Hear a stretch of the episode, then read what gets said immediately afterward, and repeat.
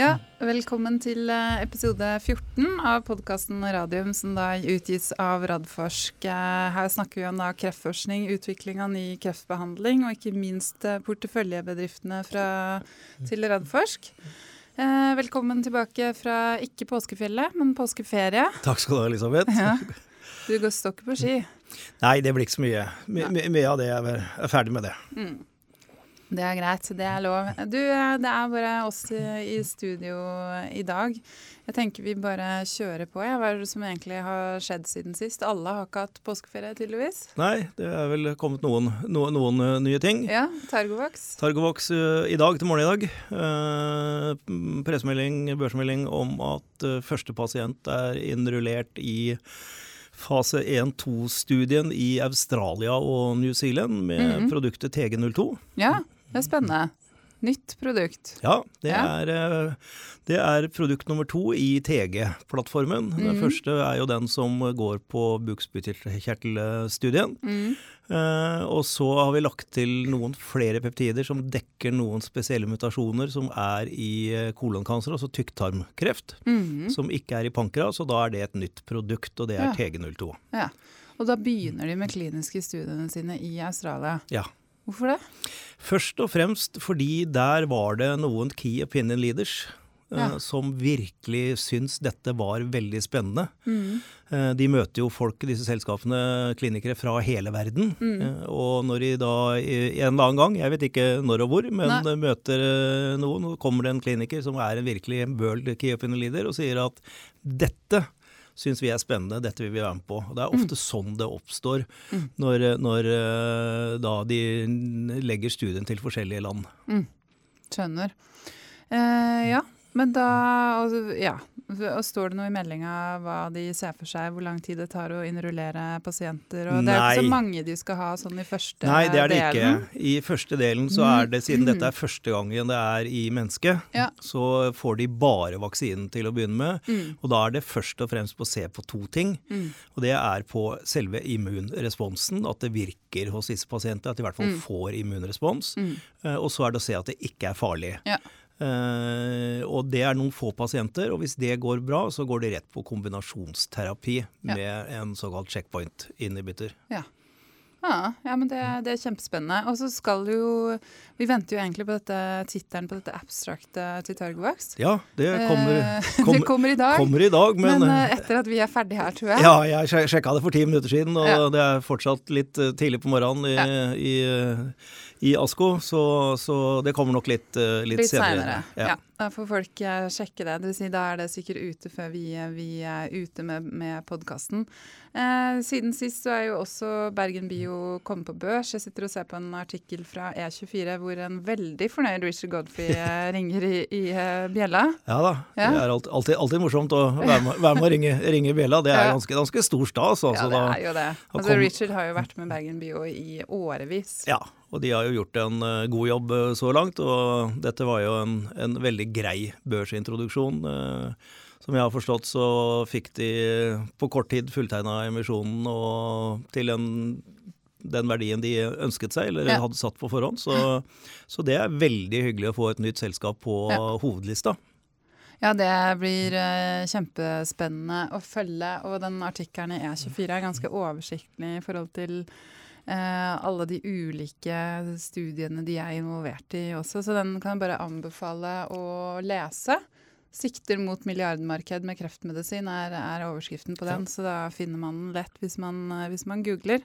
Eh, men vi har en nyhet om eh, et av porteføljeselskapene våre også. Det er Onkoimmunity som har fått eh, EU-midler. Ja, det har de. Mm. Og det er utrolig spennende. Og en kvalitetssikring som er ganske unik. Mm. Dette her, her er det jo å leke med de store gutta i, ja. i hele Europa. Det var 250 mm søkere til disse midlene. Mm.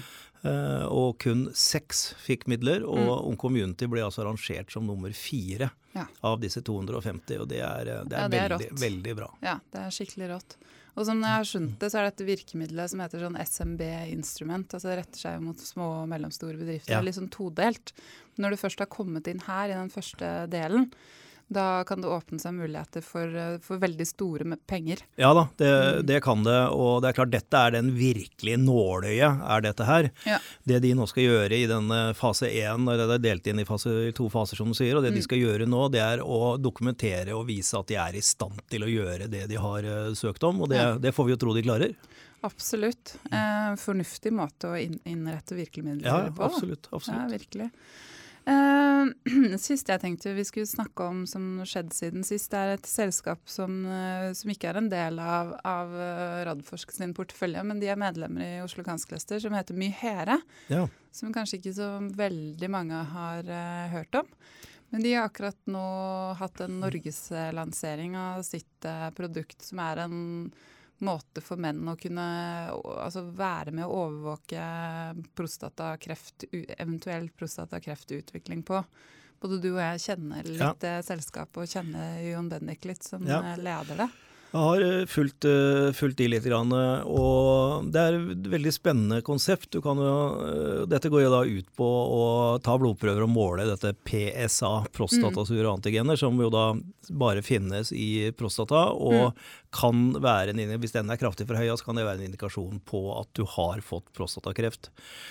Eh, men da har disse gutta som står bak dette, pluss et par av de ordentlig ordentlige eh, gamle nestorene innen, innen urologi i Norge, mm. Mm. satt seg ned og sett på hvorfor er det såpass usikkert med disse PSA-prøvene. Ja, for det er veldig omdiskutert. Veldig omdiskutert, mm. og man mener vel stort sett fra, fra klinisk hold til tidligere at det de kanskje ikke skulle drive full screening, og som mm. du sier, veldig omdiskutert. Og det de har eh, gjort med dette, er at de har laget et veldig, egentlig veldig enkelt program. Mm.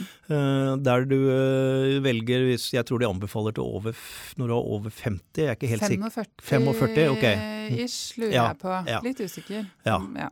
Og at du da skal gå og ta årlige, årlige prøver. Mm. Men hvorfor da gjøre det? det? det? de sier da, er at når du gjør det hvert år, mm. så kan du følge utviklingen i PSA fra år til år og måle det de kaller for delta, altså hvor mye stiger den, og hvor fort stiger den, mm. og at det kan være en indikasjon på om man skal gå inn i det man kaller for watchful waiting eller ja. videresende. Eh, så dette er et veldig spennende prosjekt. Ja, eh, og så veldig enkelt også. Altså det jo, blir jo som en eh, app. Ja. De tar, de tar, prøver, men så får du resultatene på appen og kan på en måte ja. følge med. Og, sånn, og, hvis jeg også skjønte Jon Bendik riktig, så er forskjellen på dette og den på en måte PCA-testingen du gjør hos legen, at de følger det opp i forhold til din egen PCA. Altså hva er din normalverdi for PCA? Ja, ja. Uh, og ikke måler det opp mot norgesgjennomsnittet. Nei, det, For som man sier, at det sier egentlig ingenting. Nei. Og det de gjør, at de på en måte, Hvis du starter med dette når du er frisk, ja. uh, og har tatt det i noen år, så har du liksom litt sånn baseline på hvor mm. du ligger hen i PSA. Ja. Og med åra så vil den stige. Ja. Uh, men hvis delta, altså forskjellen fra år til år, er innenfor en viss ramme, ja. så anser de det som en naturlig utvikling. Men hvis du plutselig bryter ut av det delta, mm. Uh, så kan det være et faresignal på ja. at man bør gå videre. Og dette er det da spesialister som sitter og vurderer dette sånn fra år til år. Og så får du tilbakemeldinger på appen. Mm. Uh, dette ser veldig bra ut. Kom tilbake om et år. Mm. Har du hatt eh, noen år eh, på rad og alt er flatt, kanskje de sier at du skal bruke, ta lengre tid imellom mm. hver test. Eller de kan si her anbefaler vi at du, at du går videre i systemet. Så, mm. så, dette er en helt ny måte å drive screening på, mm. eh, som vi får se. Eh, ja. Det er nytt og det er spennende, og, og om det er riktig måte å gjøre det på, det vil vise seg, men det, det er spennende. Mm, absolutt. Eh, og det siste jeg tenkte å si, er at uh, i, i, vi har snakka litt om dette skolefaglige samarbeidet som er mellom uh, Oslo Kanskløster og Ullern videregående skole. Ja. Siden vi er i, i, det samme bygget. Det er jo en del av liksom, dealen. Når, uh, for Ullern var jo her før. Ja. Uh, og i dag så er det noe som heter KUR. Og det er ikke noe med kur, uh, kur mot kreft, men det heter kompetanseutvekslingskurs for uh, realfagslærere i Oslo og Akershus. og i dag så arrangeres det faktisk sammen med Tekna. Og handler om immunterapi. Mm -hmm. Så heldig meg skal dit. Mhm. Jeg skal skrive om det, så får følge med på Oslo Kanskløster sine nettsider, så kommer det en eh, artikkel om det. Men dette er jo bare nok et eksempel på hvordan man samarbeider i dette bygget her. Ja, og jeg syns det er en veldig morsom del av samarbeidet. Veldig mye går ut på samarbeidet vårt med elevene og lærerne her direkte. Men her henter vi altså inn den topp ekspertisen på dette feltet, sånn at eh, realfaglærere i hele Oslo får anledning til å være med på dette og bli oppdatert på det, og kunne diskutere dette som sikkert elevene er opptatt av og hører om og leser om. Eh, Og dette er jo absolutt videre- og etterutdanning av eh, lærere. Og husk på at lærere på videregående skole i Oslo, og kanskje jeg får kjeft, men spesielt på Ullern, er veldig høyt utdanna mennesker ja, ja. med doktorgrader Virkelig. Mm. Og, og virkelig kan ta dette inn over seg, lære det, skjønne det og videreformidle det til elevene. Så Mm. dette er morsomt. Ja, det er veldig, veldig gøy. Jeg gleder meg, jeg gleder meg selv. Og, og da kommer jeg egentlig på noe, fordi neste uke, hvis det er noen som har lyst til å lære mer om immunterapi, så er det et åpent heldagsmøte på Rikshospitalet. Det det. Eh, for det er jo immunologiens dag. Jeg Ja. tror det er 29. april. For det er vel hvert år, samme Ja, dag. Ja. Og da, da er det et heldagsmøte mm, om immunterapi, og jeg tror det er lagt opp sånn at de har én populærvitenskapelig del på begynnelsen av dagen, sånn fra ti til ett eller noe sånt og så er resten litt mer fagdefinert. Men det er helt åpent, og det er helt gratis. Eh, hvis du går inn på nettsiden til Oslo Kunstcluster, så finner du eventer Ja. du kan melde deg på. ja, det kan anbefales. det er kjempespennende. det- så da, da kom vi på noe vi hadde glemt også. Ja. Men eh, ja, og det her er kjempekult. Vi får faktisk spørsmål. ja, vi gjør Ja, det. Det er, vi det er nok en gang én person som stiller spørsmål, Marius Østrøm, men han har i tillegg fire spørsmål. Ja, Det er bra. Jeg kan si Det første spørsmålet har jeg fått fra flere enn han på SMS og andre ting. ok. Noen husker kanskje at vi hadde en påskespesial, en investeringsspesial, hvor vi diskuterte disse ulike Altså, hva skal man kalle det? For, for, for, forhold for det Nei, hva kaller man det? Ja, alle disse regulatoriske løpene. Ja, det var det. Og så er det et spørsmål da i forhold til PCI Biotech, om de har prime Ja. eller ikke prime. Ja, Om de har For noen har sagt at de har prime. Jeg er, jeg er stygt redd for at hvis man spoler tilbake, så er det undertegnede som sier, når vi snakker om prime, og Ja. det har vel PCI søkt. Ja. Og det, det vet jeg altså ingenting om. Nei, det vet du det ingenting om, faktisk. Huff a meg. Tenk at du sa det på podkasten. Ikke sant. Men dette har jeg sjekket ut med Per Volde i Mm. eh, PCI, bare for å være helt sikker. Eh, For vi snakket jo om dette her også med han. Eh, Og han sa følgende, som han også har sagt på presentasjoner tidligere, at de sjekker alle mulige regulatoriske løp, og selvfølgelig går for å få det som er den raskeste veien. Og som han da sier i sitt svar til meg, at Prime er absolutt en av de Ja. som de ser på. Ja. Men PCI Biotechs policy er at de ikke melder eller sier ifra når de sender inn søknader. Nei. Bare når de eventuelt får melding om at de har fått en eller annen regulatorisk vei godkjent. Så da beklager jeg den glippen, Mm. men som ikke var en, en, en glipp i form av eh, børssensitive nyheter, Nei. men, eh, men eh, sånn du er det. Du trodde det. Ja. Rett og slett. Eh, og så er det et spørsmål eh, i forhold til eh, Nordic Nanovekter. Vi får mye spørsmål som er ganske sånn selskapsspesifikke, og dette er, rangerer vi vel i den orden der. Ja, altså det, det, det, Disse spørsmålene er jo kjempespennende, og jeg tenker, Ja. på, tenker på de hver dag. Men Ja. dette er jo spekulativt. Hva jeg tror om resultatene blir slik og slik, og det Ja. kan ikke jeg mene, mene noe om. Nei. Så sier vi som jeg har sagt før, at da, da, da må man henvende seg direkte til, eh, til ledelsen uh, i selskapet. Eh, men så kommer det et spørsmål som, uh, som du bør kunne svare på. Hvor tett og hvordan samarbeider dere i Radforsk med ledelsen i porteføljebedriftene deres? Ja, eh, Det er jo kollegaen min Anders Tuv og jeg som, eh, som jobber med alle selskapene. Eh, Og Vanligvis så er jo vi med helt fra starten. Mm. Enten så setter vi opp selskapet selv, sammen med oppfinnere som Torgovax f.eks. Ja. Eller så er vi de første ofte som går inn, Mm. som i Nordic Nanovektor, som i, i Onkoinvent og Ultmax. Ja, mange. Mm. Eh, Da går vi ja, vi si alltid inn i styret, så vi tar styreposisjoner. Eh, Og i den tidligste fasen så er vi nærmest som en del av managementet. Ja. Vi er arbeidende styremedlemmer, arbeidende styreledere, og har, tar forskjellige roller i businessutvikling og strategi og alt dette. Og jo mer selskapet utvikler seg, jo mer går vi over i en normal styreposisjon. Eh, og så er vi sånn Vanligvis så er det til børsnotering eh, og en liten stund etterpå. Altså, jo mer autonomt selskapet er, eh, jo mindre blir vår rolle. Men når vi går ut av styret eh, i dette, så har vi som investorer løpende kontakt med ledelsen eh, og blir oppdatert som andre investorer med de opplysningene som, eh, som er tilgjengelige. Så alle selskapene våre har vi, eh, har vi faste møter med hvis vi ikke har eh, en formell rolle mm. i styret. Så vi, vi jobber veldig tett sammen, ja. Eh, og så er det siste spørsmålet om uh, Randforsk har porteføljebedrifter som kan være aktuelle for børsnotering i løpet av det kommende året.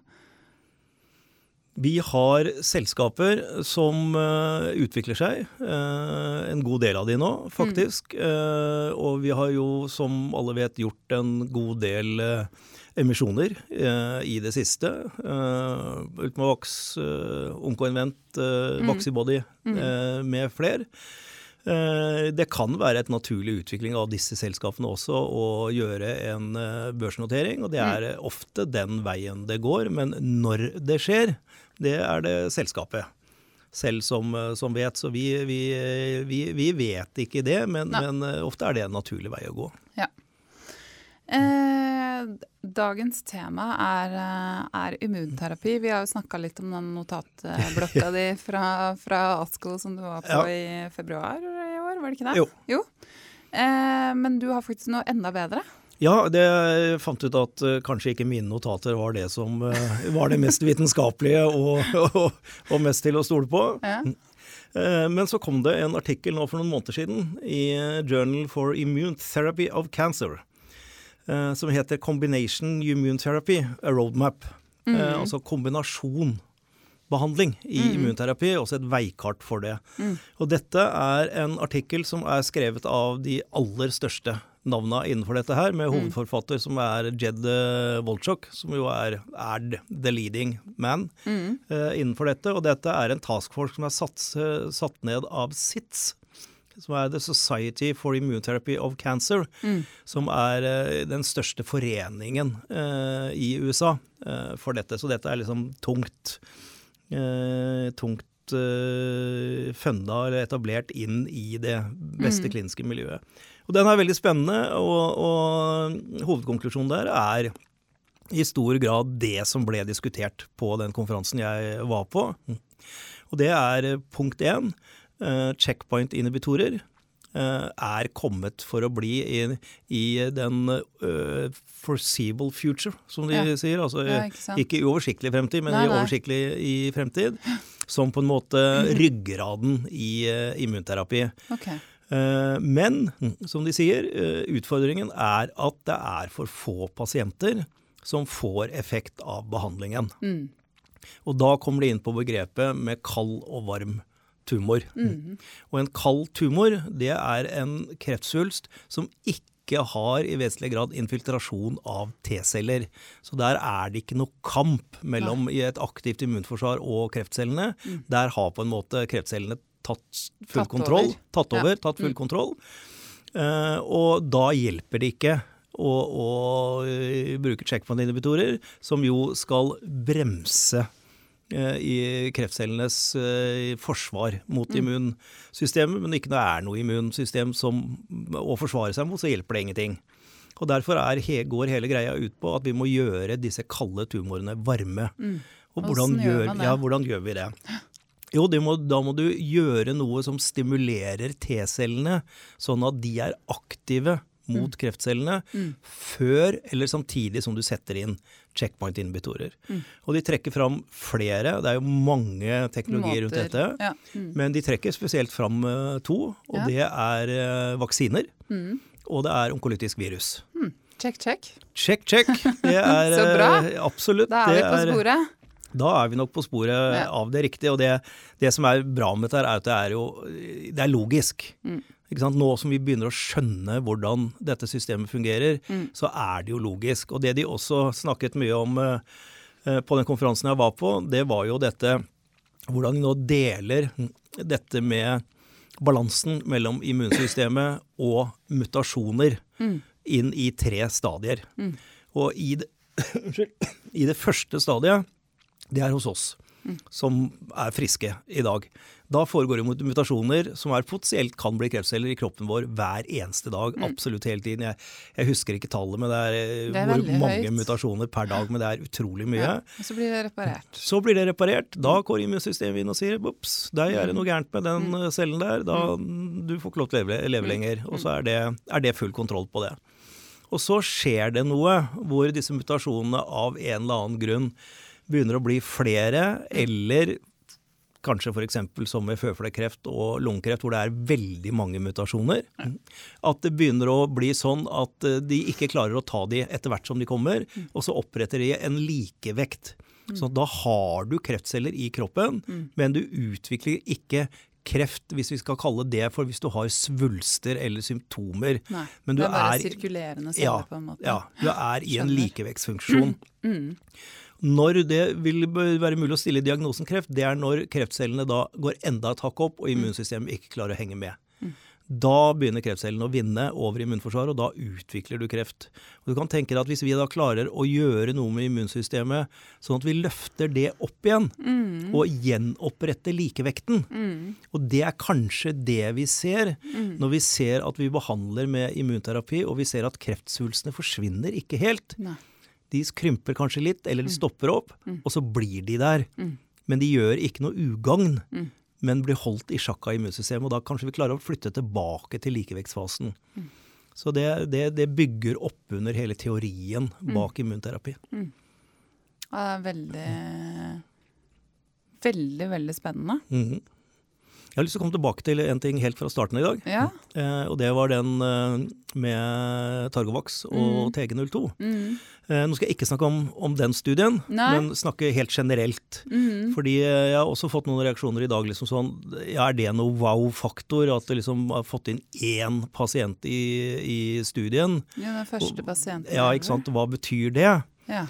Eh, for, for selskapene så betyr det mye. Mm. Eh, og det er fordi at det å sette opp en klinisk studie, mm.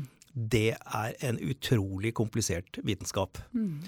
Hvordan skal du designe studien? Hva er inklusjonskriteriene? Hva er eksklusjonskriteriene?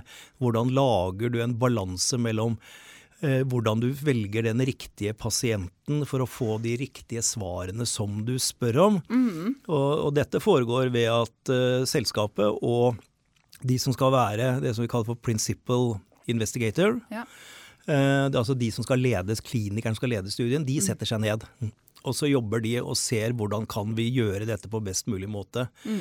Du vil gjerne ekskludere uh, pasienter som har annen type sykdom. Du vil ha, inkludere bare de som er innenfor et visst område. Det kan gå på blodprøver, det kan være mye for å få en mest mulig homogen masse med pasienter, sånn at du sammenligner epler og epler. Mm. Det er, det er, liksom det som er utgangspunktet. Mm. Men hvis du gjør det 100 mm. og skriver det, og en av direktørene i et av selskapene som, uttrykte på følgende måte Vi kan skrive den perfekte protokoll mm. som gir oss alle de resultatene vi er ute etter, mm. men finnes den perfekte pasient? Finnes det da altså pasienter som passer inn sannsynligvis ikke. Nei. Så dette er en veldig sånn balansegang. Ja. Og når de er enige, så må de gå til regulatoriske myndighetene. Mm. Så må de si er det riktig. Mm. Og det som er spennende når man da starter å rekruttere, mm.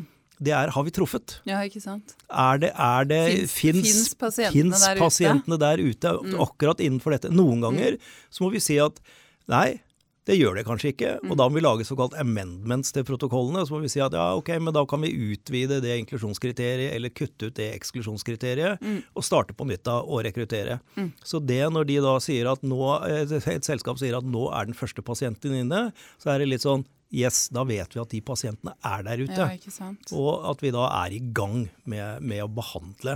Og for oss som har jobba med dette i uh, denne TG 01 og 02-saken eh, i ja, snart 20 år som jeg har gjort. Mm. Så det at den første pasienten ever er blitt behandlet med vår vaksine, og forhåpentligvis har glede av den, det er, det er, det er litt stort.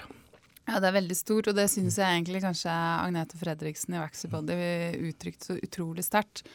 Når hun da hadde utvikla altså, den vaksinen som de prøver ut ja. mot uh, eh, HPV-virus, og var med i rommet når den første pasienten fikk dette her. Ja. Altså det Ja. Så det er stort, ja, rett og slett. For da har det gått så mye forskning og så mye tid, som du sier, i forhold til protokoll og kliniske studier ja. og, og, alt mulig oppsettet der, at uh, da, da, har man virkelig kommet langt. Jeg Som binder oss på hvorfor vi holder på med dette. Ja, ikke minst. Ja. ja. Det er jo for å, om ikke, ikke kurere kreft uh, for alle, så i hvert fall finne, finne muligheter for at uh, folk kan leve med kreften. Gjøre ja. det til en kronisk uh, sykdom.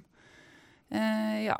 Var det dagens tekst? Det var, dagen, det, var dagen, det var, dagens tekst. Så bra. Vi er tilbake neste uke. Da skal vi ha med oss noen gjester. Vi vet enda ikke hvem. Vi skal finne noen.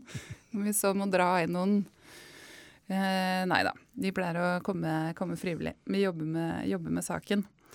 Takk for i dag. Takk for i dag.